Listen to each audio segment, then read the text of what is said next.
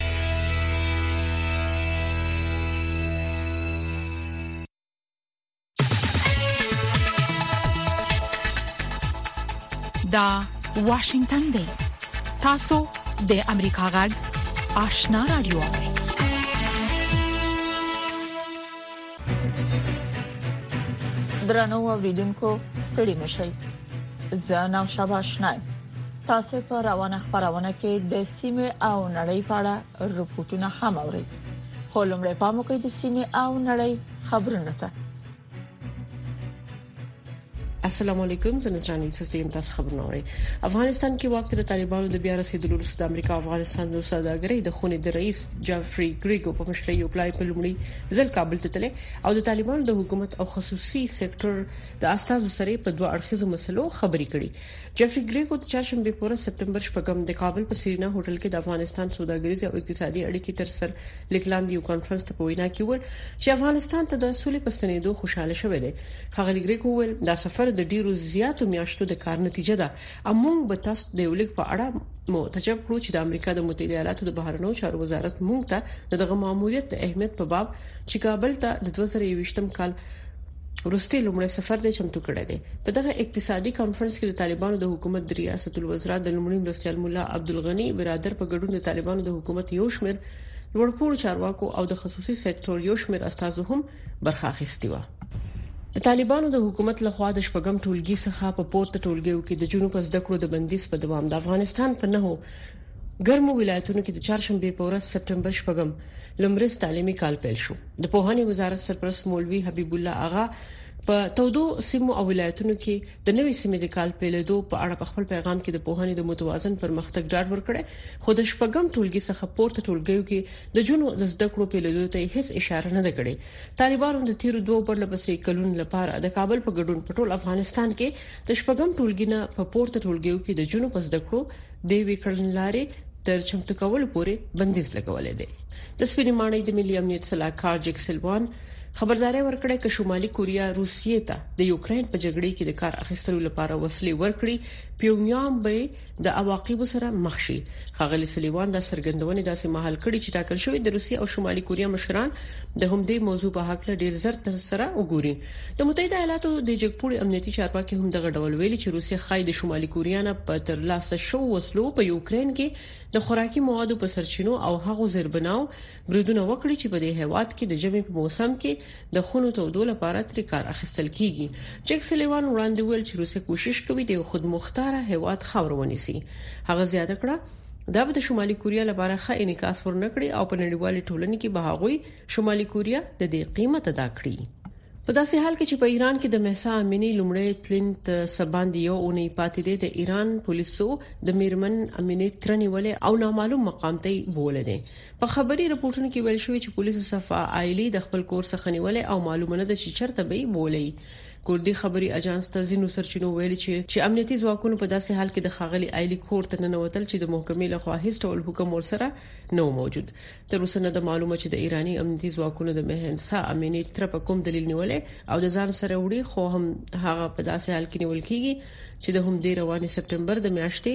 په 14مه د میرمن امینی د مړینې یو کال پوره کیږي د 2022م کال د سپټمبر په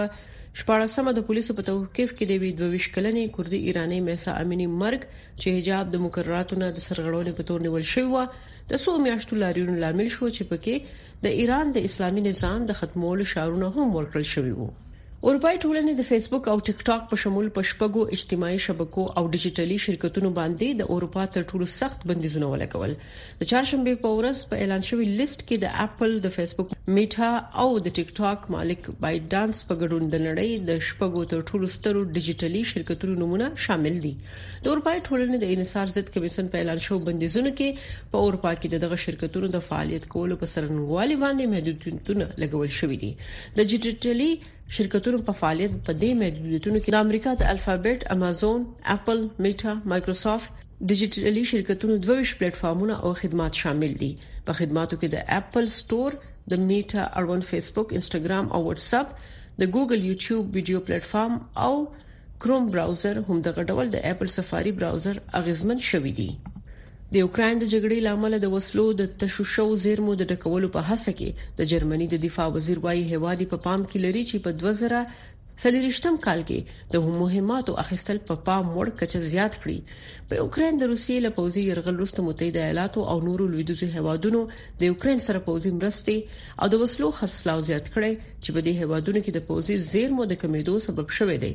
د جرمني د دفاع وزیر بوریس ریسټورس د چهارشنبه په ورځ دغه هیواد د پارلمان وکیلانو ته په خپل وینا کې ویل هوډ لرو چې تر 2023م کال پورې د وسلو د پیردولو په برخه کې خپل لګښتونه درې چنده زیات کړو جرمني د امریکا وروسته د یوکرين سره هم دویم ستر پوځي مرسته کوونکی هیواد دی قدرمن اوریدونکو دا و خبرونه د سیمه او نړۍ خبرونه واوریدل په موقع د سیمه او نړۍ په اړه رپورټونه ده افغانستان کې واکته د طالبانو د بیا رسیدونو وروسته د امریکا او افغانستان د سوداګرۍ د خونې د رئیس جیفری ګریکو په مشرۍ یو پلاوی په لومړي ځل کابل ته سفر کړ او د طالبانو د حکومت او خصوصي سکتور له استاد سره په دوه اړخیزو مسلو خبرې کړې د طالبانو ریاست الوزرا اقتصادي مرستيال وایي چې یو مشورتي اقتصادي بورډ او د ملي اقتصادي ستراتیژۍ پر جوړولو باندې کار کوي په دې اړه نور تفصيل په رپورټ کې اورئ. د امریکا او افغانستان د سوداګرۍ د خونې د رئیس جیفري ګریکو په مشرۍ یو پلاوی کابل ته د خپل سفر په ترڅ کې د چهارشنبې په ورځ د کابل په سرینا هوټل کې د افغانستان د سوداګریزې او اقتصادي اړیکې تر سرلیک لاندې یو کانفرنس کې ګډون وکړ او دغه کانفرنس ته په وینا کې ویل چې افغانستان ته د سولې په ستنېدو دی خوشاله شوی دی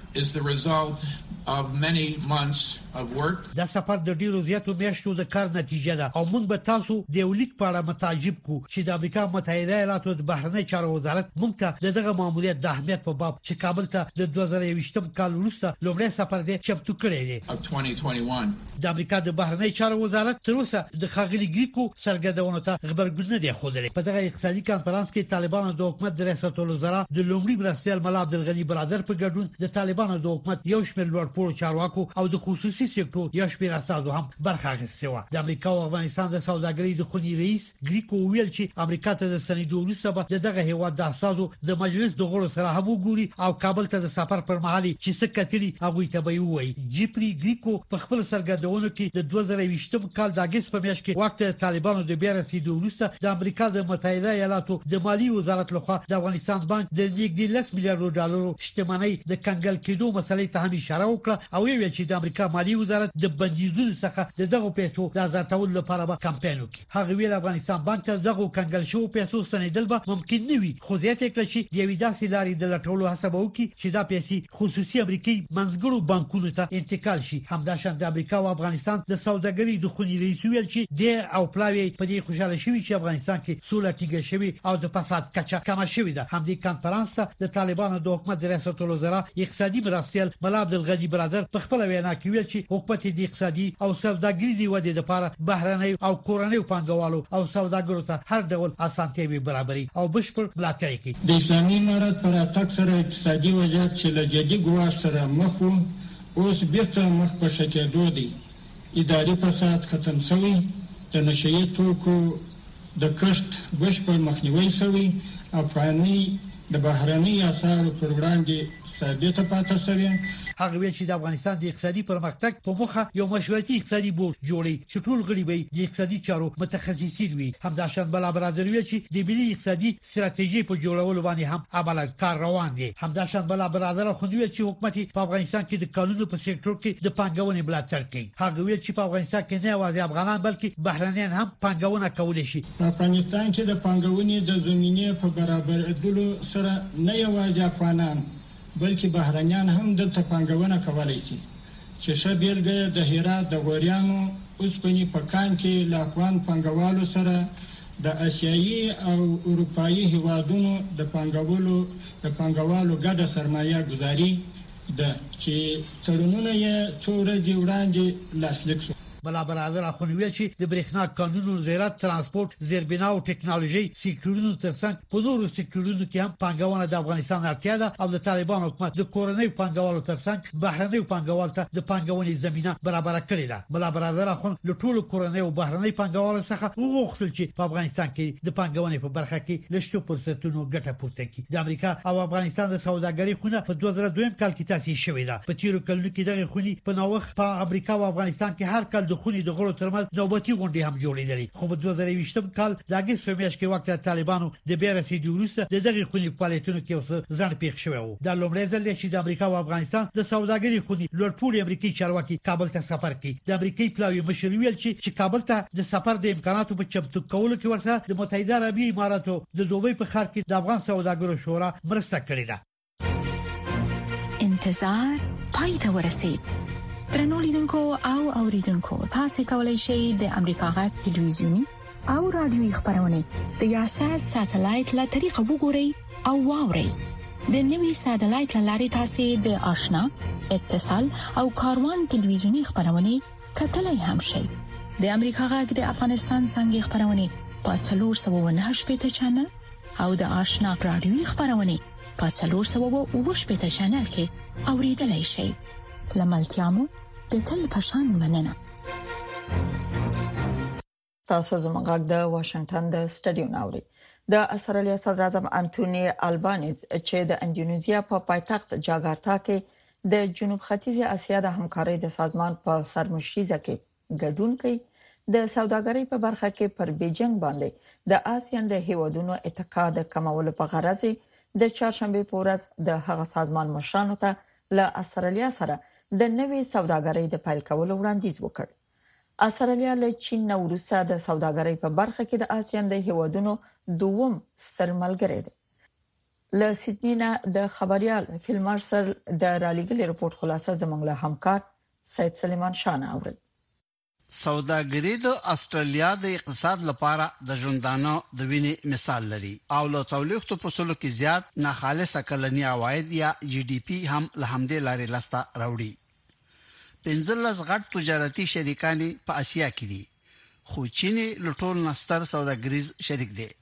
چې د استرلیا د بهرنیو صادراتو او خدماتو نږدې دریمه برخه سوداګري له چین سره کیږي. د جنوبي ختیځې اسیا د هېوادونو اتحادیه یا اسیان بهرنۍ نړۍ سره د استرلیا د ټولو صادراتو دولس په سلو کې تشکیلوي او په دوه زره یوویشتم میلادي کال کې د دواړو لورو مجموعي سوداګري اتیا عشاریه اته میلیارده ډالره وه. مجموعي اندازه له جاپان او متحده ایالاتو سره د اسټرلیا د دوه اړخیزې سوداګرۍ نه سېوا وه.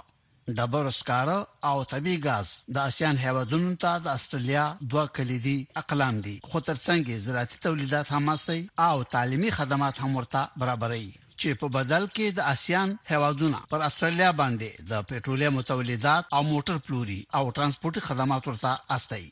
د اسیان په بلاک کې ځینې داسې هېوادونه هم شامل دي چې په نړۍ کې اقتصاد په چټکۍ د ودې په حال کې دی، د ښاري او د هغو تعلیم یافته وګړو شمېر یې مخ پر زیاتېدو دی چې له ډیجیټلي ټکنالوژۍ نه استفاده کوي، خو یو رپوټ چې د اسټرلیا د حکومت په خواست جوړ شوی ښیي چې د اسیان له غړو هېوادونو سره د هغه هېواد سوداګریزې اړیکې څوکه شوي دي، د هوایي پروازونو د زیاتولو له لارې پیاوړتیا او همدا راز د بهرنۍ پانګې په مخ کې پرتو خنډونو لرې کولو ته اړتیا لري. له اندونیزیا سره د اسټرالیا کلنۍ سوداګري څلور اعشاریه څلور شپېتو میلیاردو ډالرو ته رسېږي چې د اسټرالیا د ټولې نړیوالې سوداګرۍ صرف څه کم دوه په سلو کې تشکیلوي.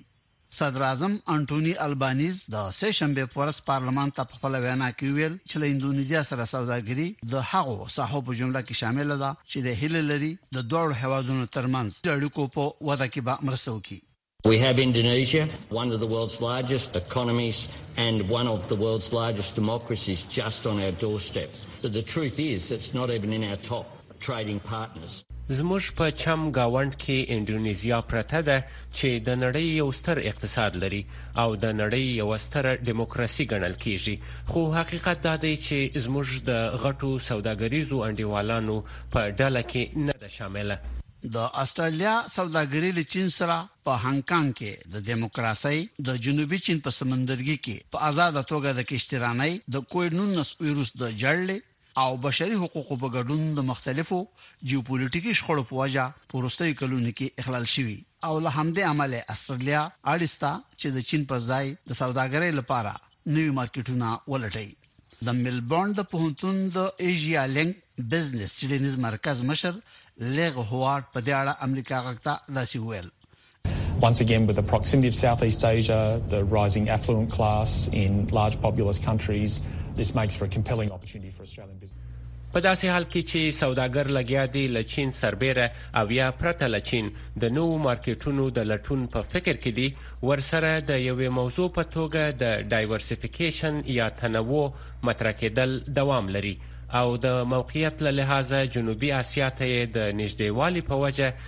د استرالیا اشرافي طبقې ته چې نفوذ یې مخ پر زیاتېدو دی، یو ځلې بیا یوه ښه موقع په لاس ورغلې چې د سیمې له پرنفوسو هېوادونو سره سوداګریزې اړیکې پراخه کړي.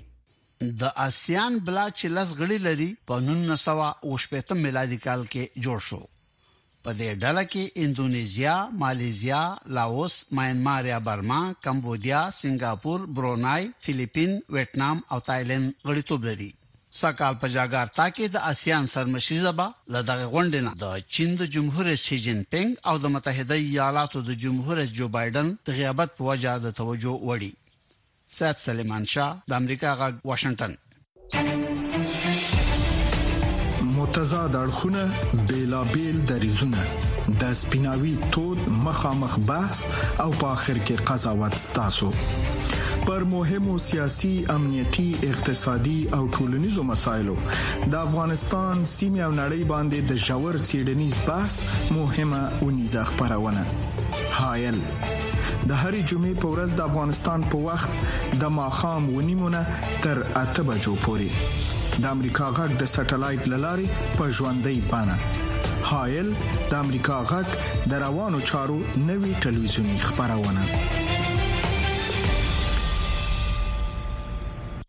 رپورټونه ته د واشنگټن د سټډیو نه ادامه ورکوم د سږ کال په لومړیو پنځو میاشتو کې اروپאי هیوادونو د پناه غوښتنې 15 لک او 19 زره غوښتنلیکونه ترلاسه کړي د سانګریل کېږي چې د 2023م کال تر پای به د دغو غوښتنلیکونو شمیره ل 1 میلیون نه هم ډیر شي د اروپאי اتحادې د پناه غوښتنې ادارې په وینا دا شمیره د تیر کال په پرتله 3.5 سلنه زیاتوالی ښیي په اروپا کې له سوریایانو وروسته ډېری پناه غوښتونکي افغانان دي د اروپאי ټولنې د پناه غوښتنې ادارې په یو راپور کې ویلي چې د سږکال په لومړیو 15 میاشتو کې 15 لکه 19 زره پناه غوښتونکو خپل غوښتنلیکونه اروپאי هیوادونو ته استولي دي په دې رپوټ کې ویل شوي چې د دوه زره درویشت کال په لومړۍ نیمایي کې سوریایانو، افغانانو، وینزویلیایانو، ترکانو او کولمبیایانو اروپایي ټولنې ته زیات شمېر غوښتنلیکونه استولي دي چې په مجموعي ډول د غوښتنلیکونو څلور څلوېښت سلنه جوړوي. ګڼو اقتصادي، سیاسي او امنیتي ستونزو د وجې زیاتره افغانان او د افغانانو کورنۍ غواړي چې ځان اروپايي اتحادیې ته ورسوي اروپايي هیوادونو ته ځان ورسوي او هلته خپل ژوند پر مخ بوزي همدغه سي په ترکیه کې داخل په ترکیه کې د افغانانو ستونزې بیخي ډېرې شوې دي په سرحداتو کې ځوانانو سره غیر اخلاقی او غیر انساني کړنې رامنځته کیږي همدغه سي په سرحداتو کې ځوانان وژل کیږي ځوانان وهل کېږي. د دغې ادارې ارزونې ښايي چې په اروپا کې د پناه غوښتنې بهیر کې زیاتوالی راغلی دی او د سوریایانو او افغانانو د پناه غوښتنې غوښتنلیکونه د ټولو غوښتنلیکونو څلور ویشت فیصده جوړوي. د دې ادارې د راپور له مخې د روان کال تر نیمایي پورې اووه شپېته زره سوریایانو او پنځه پنځوس زره افغانانو په اروپايي هېوادونو کې د مېشته کېدو لپاره غوښتنلیکونه دغو هېوادونو ته سپارلي دي. اکثرا دا شمېر افغانان مسلکي او د لوړو زده کړو خاوندان دي. دغه افغانانو ایران، پاکستان او د منځنۍ اسیا ځینو هېوادونو ته د کډه کولو وروسته هڅه کړې چې په قانوني او غیر قانوني توګه ځانونه د اروپا تر څنګ امریکا او نورو لویدیځو هېوادونو ته ورسوي. متاسفانه زموږ ډېر کدرونه د وطن هغه کدرونه چې په مختلفو اداراتو کې کار کاوه، هغه کډونه چې پانتون استادان ول نه یوازې دا چې دوی اروپאי هیوادونو ته په قاچاقي ډول وزي په دې ورستیو کې د برازیل لارې امریکا او کاناډا ته هم راځي چې دغه لار ډیره خطرناک ده د ملګرو ملتونو د کډوالو عالی کمشنری یا UNHCR د یو روستي راپور لمخې اوس مهال 9.2 میلیونه افغانان په نړۍ کې په اجباري ډول بیکوره شوي دي چې دغه شمېره یې پنځه اعشاریه شپږ میلیونه یې د پناه اخیستنې وضعیت ته ورته وضعیت سره مخ دي او درې اعشاریه پنځه ویشت میلیونه په کور دننه بېځایه شوي افغانان دي. احسان لاریوزی امریکا غږ واشنګټن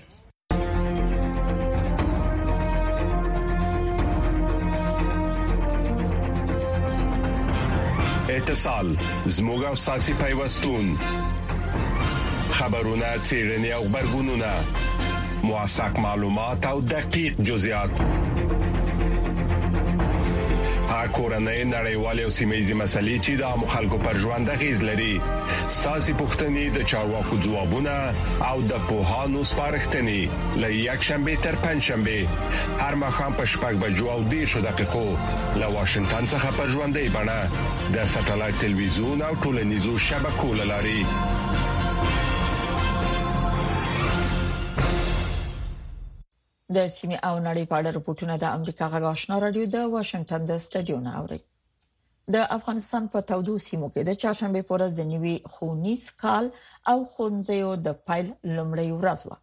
په همدې لړ کې په پیښور کې د افغان کډوالو په خوشحال خان عالی لیسه کې غونډه جوړه شوې چې پکې لزده کوونکو او خونکو سره سره الته د طالبانو حکومت تر چتر لاندې د افغانستان قونسلګری ډیپلوماټانو هم ګډون درلود خدای نور نصر په دې اړه نور جزئیات راکړي په دغه سلام زده کوونکي د غونډې د مشر میلمه هرکلی کوي په پښتونخوا کې میشت د افغان کډوالو د یو شمیر نورو ښوونځیو په څیر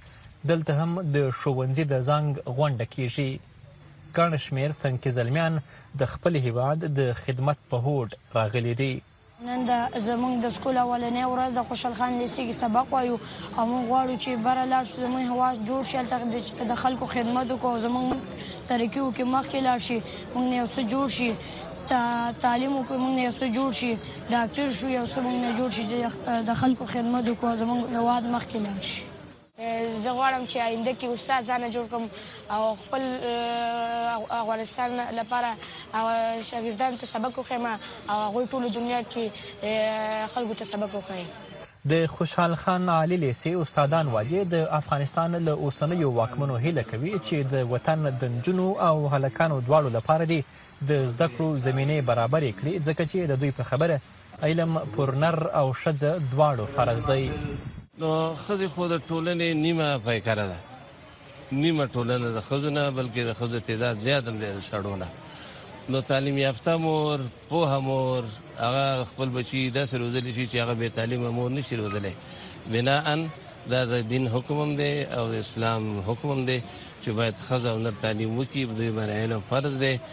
د چارواکو نه د اوسنیو چارواکو نه چې زمونږ په دعاګانو باندې زمونږ په قربانیو زمونږ په هڅو او هاند باندې راغلی دی او د ملت قرباني ورکړې ده د دې ارمان لپاره چې د ملت د دې زخمونو لپاره مرهم پټی شي بناً د دوی نه دا هیله ده خواهش دی درخواست دی ورته چې د تعلیمي ادارې د ښځو او نارینو په مخ باندې خلاصې کړي تقویه یې کړي او ملاتړ یې وکړي په پېښور کې د ښوونځي زنګ دې غونډه کې طالب ډیپلوماټانو هم ګډون درلود او په خپل وار سره دوی هم تعلیم پر هر نر او ښځه فرض وباله. موږ به داسې وکړو چې اول به دغه بچان چې دي دغه نارینه دا به ښه وروزو د خیره سره او د هغو لپاره به انشاءالله په آینده کې تاسو یو دا پوښتنه خو یو نه ده تکرار شوې چې اوس یوازې زما څخه کېږي زه جواب درکوم کنه بار بار مو اورېدلې ده کنه په عموما کې د اسلام په سطح باندې راواخلو اسلام دواړو ته تعلیم ورکوي کنه دا چې علم ستا چې هغه پر نر باندې هم فرض دی او پر شد باندې هم فرض دی کنه نو د دې لپاره ان شاء الله تعالی البته یو شی که یو منفي پینټ پکې کوي د هغه د لپاره به کوشش کیږي کنه چې هغه مخلوط نظام دی مخلوط نظام دغه اختلاط ختميږي باخره ودی خواته هر قسم علم شدي هغه به دوی ته ورکول کیږي ان شاء الله تعالی لارې به جدلا کیږي مکاتب به جدا کیږي ترانسپورت به جدا کیږي کنه اسلام او مسلمانان امارت اسلامي دې ته ژمن دي ان شاء الله تعالی په پېښور کې د افغانستان قونسلګرۍ چارواکي وایي په پښتونخوا کې د افغان کډوالو لپاره ځانګړي سوي تر سلو زیات ښوونځي فعال دي چې پکې نجونې او هلکان دواړه زده کړې کوي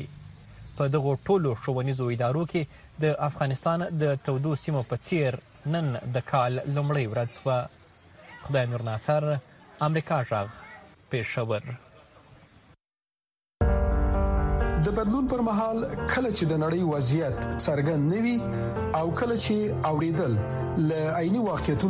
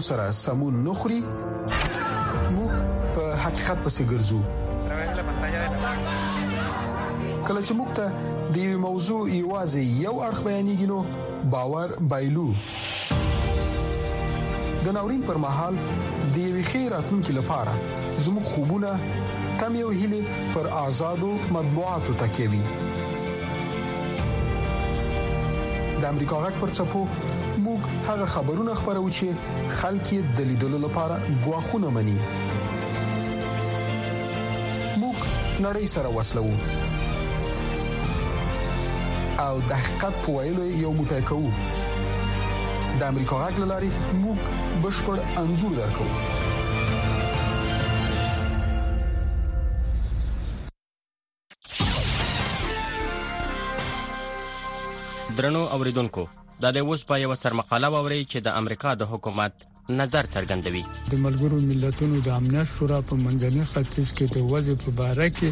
د معلوماتو د ورکولو نه د اگست میاشتې د 20 منټو نه څو ساعته د مخه د اردن د سند په لویدیځ غاړه کې یو اسرایلی خزه وژل شو تقریبا د ورځنی تاوتریخوالي یو ښکارا مثال د چې هر ورځ دلته او په اسرایل کې پیخیږي تر اوسه پورې په روان کال کې هغه اسراییلیان او فلسطینیان وژل شوي دي او د تېر کال په نسبت د دوی ټولو شمېر زیات دی او د دوه زره پنځم کال نه را په دې خوا خورا ډېر لوړ دی. په ملګرو ملتونو کې د امریکا سفیرې لینډا تاماس ګرینفیلډ په امنیت شورا کې په خپله وینا کې د اسراییلیانو په خلاف د فلسطینیانو تروریستي حمله په کلکه وغندلې په دې کې هبرون ته نږدې د اگست میاشتې د 20 نیټې د خزې وژل همدغه راز د اگست میاشتې په سر کې حمله شامل دي چې د هوا را نه بهر پلار او زوی وژل شول او په تل ابیب کې د پولیس یو سیمنسب موږ د اردن د سند په لویدیزه غاړه کې د افریقایانو لخوا د راکټونو د بې رحمه پیل کول او غوندو دا په ژوره توګه یوه نارامه کوونکې پېښه ده او د اګست د میاشتې په څلورمې نېټې په بورګا کې د مېشتو کوونکو له خوا تروریستي حملې په کلکه غوندو چې نولس کلن فلسطینی پکې ووژل شو. امونګ څرګندوي، اسراییلو یو شمېر کسان بندیان کړل او حساب کتاب ورکولو او عدالت د وښو کېږي چې د افراطیت په ټولو پېښو کې به په برابر قوت سره تعقیب شي، که مرتکبین فلسطیني افراطیان یا اسرایلي اسرایلي مېشتي افراطیان وي. سفیر تاماس ګرین فیلډ له شاملو خواوو نه وغوښتل چې سمدستي اقدامات وکړي چې جنجال کم کړي او ارامي راولي. دې د اسراییل او فلسطینیانو په امنیتي قواوو باندې غږ وکړ چې خپله همکاري زیاته کړي، د اردن د سیند په لویدیځه غاړه کې امنیتي وضع اصلاح کړي او موږ له ټولو خواوو نه غواړلو چې بې پروا اقدامات وکړي چې د تاوتریخوالي او د تاوتریخوالي د پارونې د ټولو بڼو مخالفت وکړي او له هغو اقداماتو نه ډډه وکړي چې په دې کې د مېشته کېدو فعالیت د خالي کولو، د فلسطینیانو د کورونو د ویجاړولو، تروریزم، تاوتریخوالي ته لمن وهل او د تروریستانو کورنیو ته د تنخواګانو ورکول شامل دي. دې ټینګار وکړ، امریکا د فلسطینیانو او اسراییلیانو د دوه دولتونو لپاره د حل ملاتړ ته دوام ورکوي او د ټولو هغو کوښښونو ملاتړ ته چمتو ده چې دغه هدف ته نږدې کېږي. اساسي موضوع دا ده اسرایلیان او فلسطینیان د امنیت، سوکالۍ او ازادۍ د برابرولو موضوعاتو مستحق دي. سفیر تامس ګرین فیلډ وویل، دا صحیح ده، راځئ چې په ګډه کار وکړو او راځئ چې هر هغه شی وکړو چې زموږ په وس کې وي چې د فلسطینیانو او اسرایلیانو ترمنځ جامع، عادلانه او دوامدارې سولې ته دوام ورکړو. درنو اوریدونکو دا و د امریکا غږ سر مقاله چې د امریکا د حکومت نظر یې څرګند کړ